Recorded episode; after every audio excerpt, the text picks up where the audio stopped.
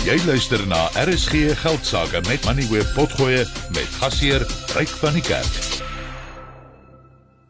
Die insetsel word geborg deur Finbond Mutual Bank. Kontak hulle op 0860 442211. Finbond Mutual Bank.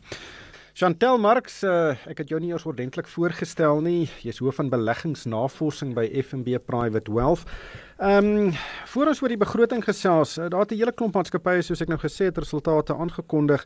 En die aandelepryse het nogal heftig gereageer. Eh, die drie waarna ons later gaan kyk, Sasol is 5,3% af vandag, Kumba verloor 1 en 'n kwart persent, Motus ehm um, uh, ek sien hier so 5,2% hoër uh en uh dis asof hier heftige reaksies is op uh effense verrassende nuus. Ja, dis iets wat ons die laaste paar jaar sien beide in Suid-Afrika en ook in internasionale markte.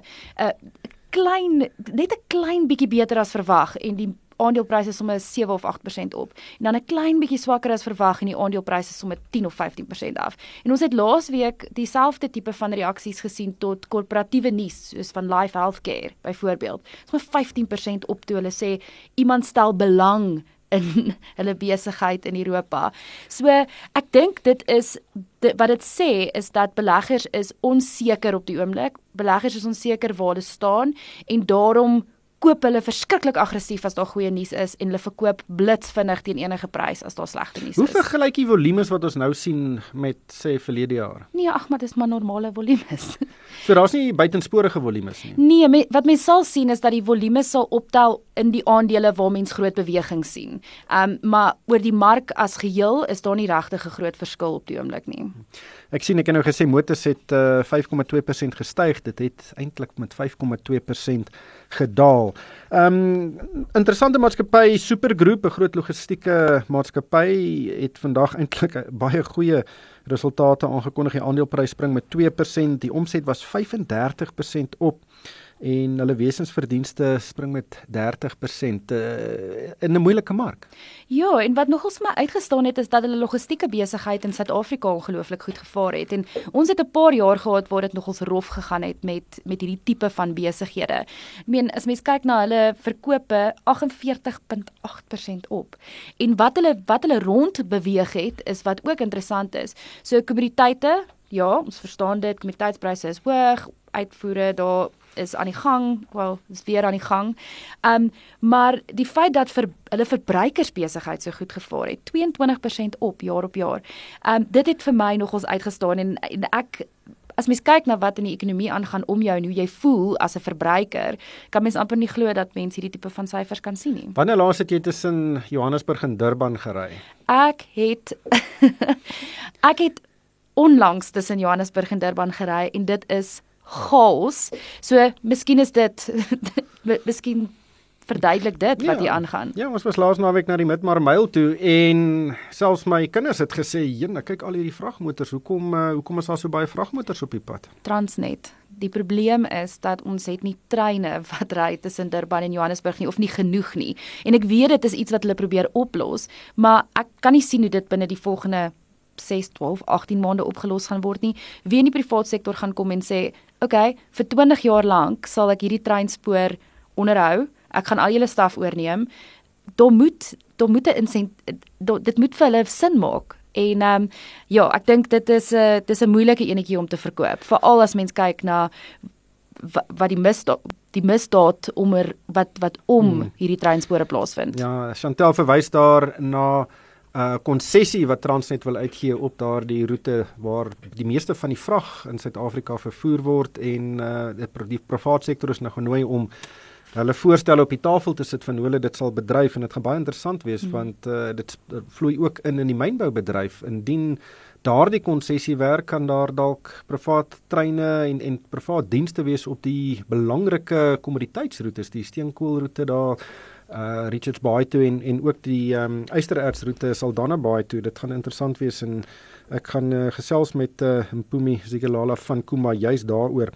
Nog 'n interessante maatskappy Kap. Hulle het baie bedryfs uh en uh weet 'n um, um, bates wat uh goederes vervaardig in Suid-Afrika. Hulle is groot in die houtbedryf ook. Ehm um, omset uh, net 12% op, wesensverdienste af. Miskien weerspieël dit meer van wat in Suid-Afrika aangaan. Ja, Kap het, het 'n paar probleme gehad tydens hierdie spesifieke ehm um, tydens hierdie spesifieke tydperk. En as mens kyk na waar die probleem vandaan gekom het, was dit meestal kostes. So hulle het op as mens kyk na hulle verkope, het dit was dit positief en dit was heel okay en eintlik goed op sekere plekke, maar hulle hulle profit was onder druk gewees en ek wat hulle genoem het ook al is dat load shedding 'n groot impak hier gehad het. Natuurlik vir hulle om aan te hou met hulle aanlegte, om hulle aanlegte aan die gang te hou, moet hulle diesel verbrand. Daai diesel is duur. Ehm um, dit is ook duur om jou kragopwekkers te onderhou. Want nou gebruik jy die kragopwekkers al vir so lank ruk dat die goed begin breek. So dis nog 'n addisionele koste.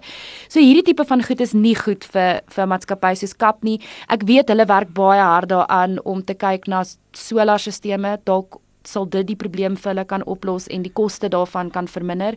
Ehm um, maar ek dink dit gaan nog 'n rukkie wees vir hulle en en ja, ongelukkig was hierdie uitslag nie baie goed nie. Ja, jy kan nie oornag ook sonpanele installeer nie. Dis nogal 'n 'n storie om te doen. Dan Sibanye Stillwater, 'n groot platinum en goud produsent. Hulle koop laat dit bars maatskappye en myngroepe reg oor die wêreld en vandag het hulle nou nog een aangekondig. Hulle gaan 'n uh, New Century koop in Australië vir so 1.5 miljard rand. Nie baie geld nie, maar is dit wys om op so hoë vlak van die kommoditeitsiklus so jou beursie oop te maak? Gewoonlik nie en ek dink in hierdie geval ook nie. so dit het ook gepaard gegaan met 'n swak handelsverslag wat hulle ook uitgereik het. So daar was so of twee goed wat die mark nie van gehou het nie. Ehm um, een dit gaan nie besonder goed by die besigheid op die oomblik nie en twee hulle hou aan om goed te koop. Nou hulle balansstaat is baie sterk. Hulle het ongelooflik baie kontant op hulle balansstaat. Maar wat be wat beleggers soek wat op die bo-punt van die kommoditeitsprys siklus is dat hierdie mynmaatskappye moet die geld teruggee vir beleggers sodat hulle iets anders te kan koop vir wanneer kommoditeitspryse onder druk kom en hierdie maatskappye se se winsmarges kleiner word. So beleggers hou nie daarvan nie en dit is ook 'n gevaarlike speletjie om te speel want jy betaal baie duur omdat kommoditeitspryse hoog is. Dan is môre begroting. Ehm um, daar is uh, baie mense wat dit uh, baie baie fyn gaan dophou. Ek is seker jy gaan een van hulle wees. Nou natuurlik die die vernaamste ehm um, onderwerp wat uh, mense voor inligting gaan soek is Eskom se skuld 422 ja. miljard rand. Uh, Eskom soos hy nou daarna uitsien is nie 'n 'n uh, lopende of uh, nie 'n besigheid wat uh, lewensvatbaar is nie. Daai skuld moet oorgeneem word en sodat uh, Eskom dan die vermoë het om nie rente te betaal nie, maar sy kragstasies reg te maak. Ja, absoluut. En ek dink dit gaan dit gaan die hoof fokuspunt wees. Hoeveel van Eskom se skuld gaan die staat oorneem? Gaan hulle Eskom verder help? buiten dat hulle hulle skuld gaan oorneem. Ehm um, gaan hulle dit ooit doen of gaan hulle iets anders te probeer uitwerk wat ek hoop nie die geval is nie want op hierdie stadium dink ek meeste meeste beleggers en meeste ehm um, mense oor die algemeen verwag dat hulle van daai skuld gaan oorneem. So dit behoort nie 'n massiewe impak te hê op die staat se beleggingsuitsig as ek dit so kan stel van hulle staatseffekte byvoorbeeld nie. Ehm um, ander goeders wat ek dink gaan baie ehm um, interessant wees gaan wees wat sê die tesorie van ekonomiese groei vorentoe. Want ons het nou gesien dat vooruitskattinge afgebring is deur amper almal. Ek meen Reserwebank was net nou die dag het hulle gesê ekonomiese groei gaan baie swak wees. So dit gaan interessant wees om te sien wat hulle verwag verwagtinge is en hoe dit hulle vooruitsig gaan verander van hoe ons skuld lyk relatief tot ons inkomste. Ehm um, en dan Ek dink daai belastingaansporings vir solarstelsels gaan baie interessant wees en hopelik begin is dit die begin um van 'n nuwe vinnige vinnig groeiende industrie in Suid-Afrika en kan verbruikers dalk bietjie help vorentoe en ook maatskappye. Ja, dit is die die die dis vraag is net hoe hulle dit gaan doen. Ek het met 'n paar mense gepraat die um afgelope week en daar is geen invoerheffings op uh, sonkragstelsels nie uh, en die manier om mense aan te spoor om dit te doen dit moet innoverend wees en ja. en hopelik nie ander bedrywe ook seermaak nie. Ons gaan maar kyk wat daar uitkom.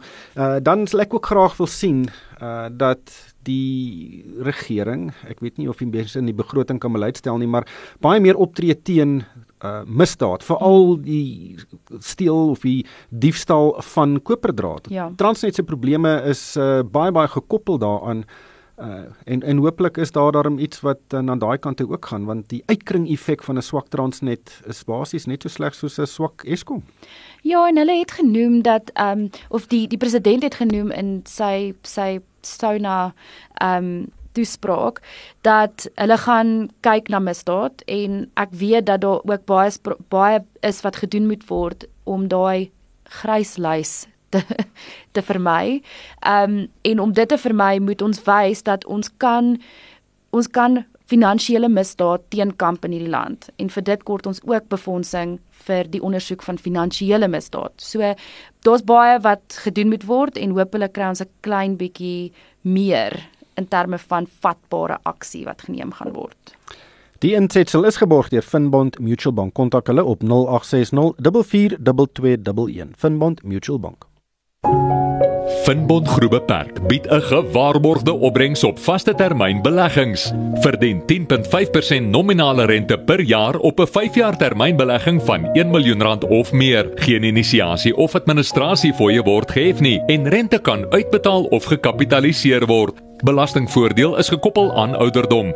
SMS radio na 30635 of e-pos deposito by finbond.co.za vir meer besonderhede. Van Bondgroep Beperk, jou bondgenoot deur dik en dun. Jy het geluister na RSG Geldsaake met Money where potgoe elke weeksdag om 7 na middag. Vir meer Money where potgoe, besoek moneyweb.co.za of laai die toepassing af en volg Moneyweb News om dagliks op hoogte te bly.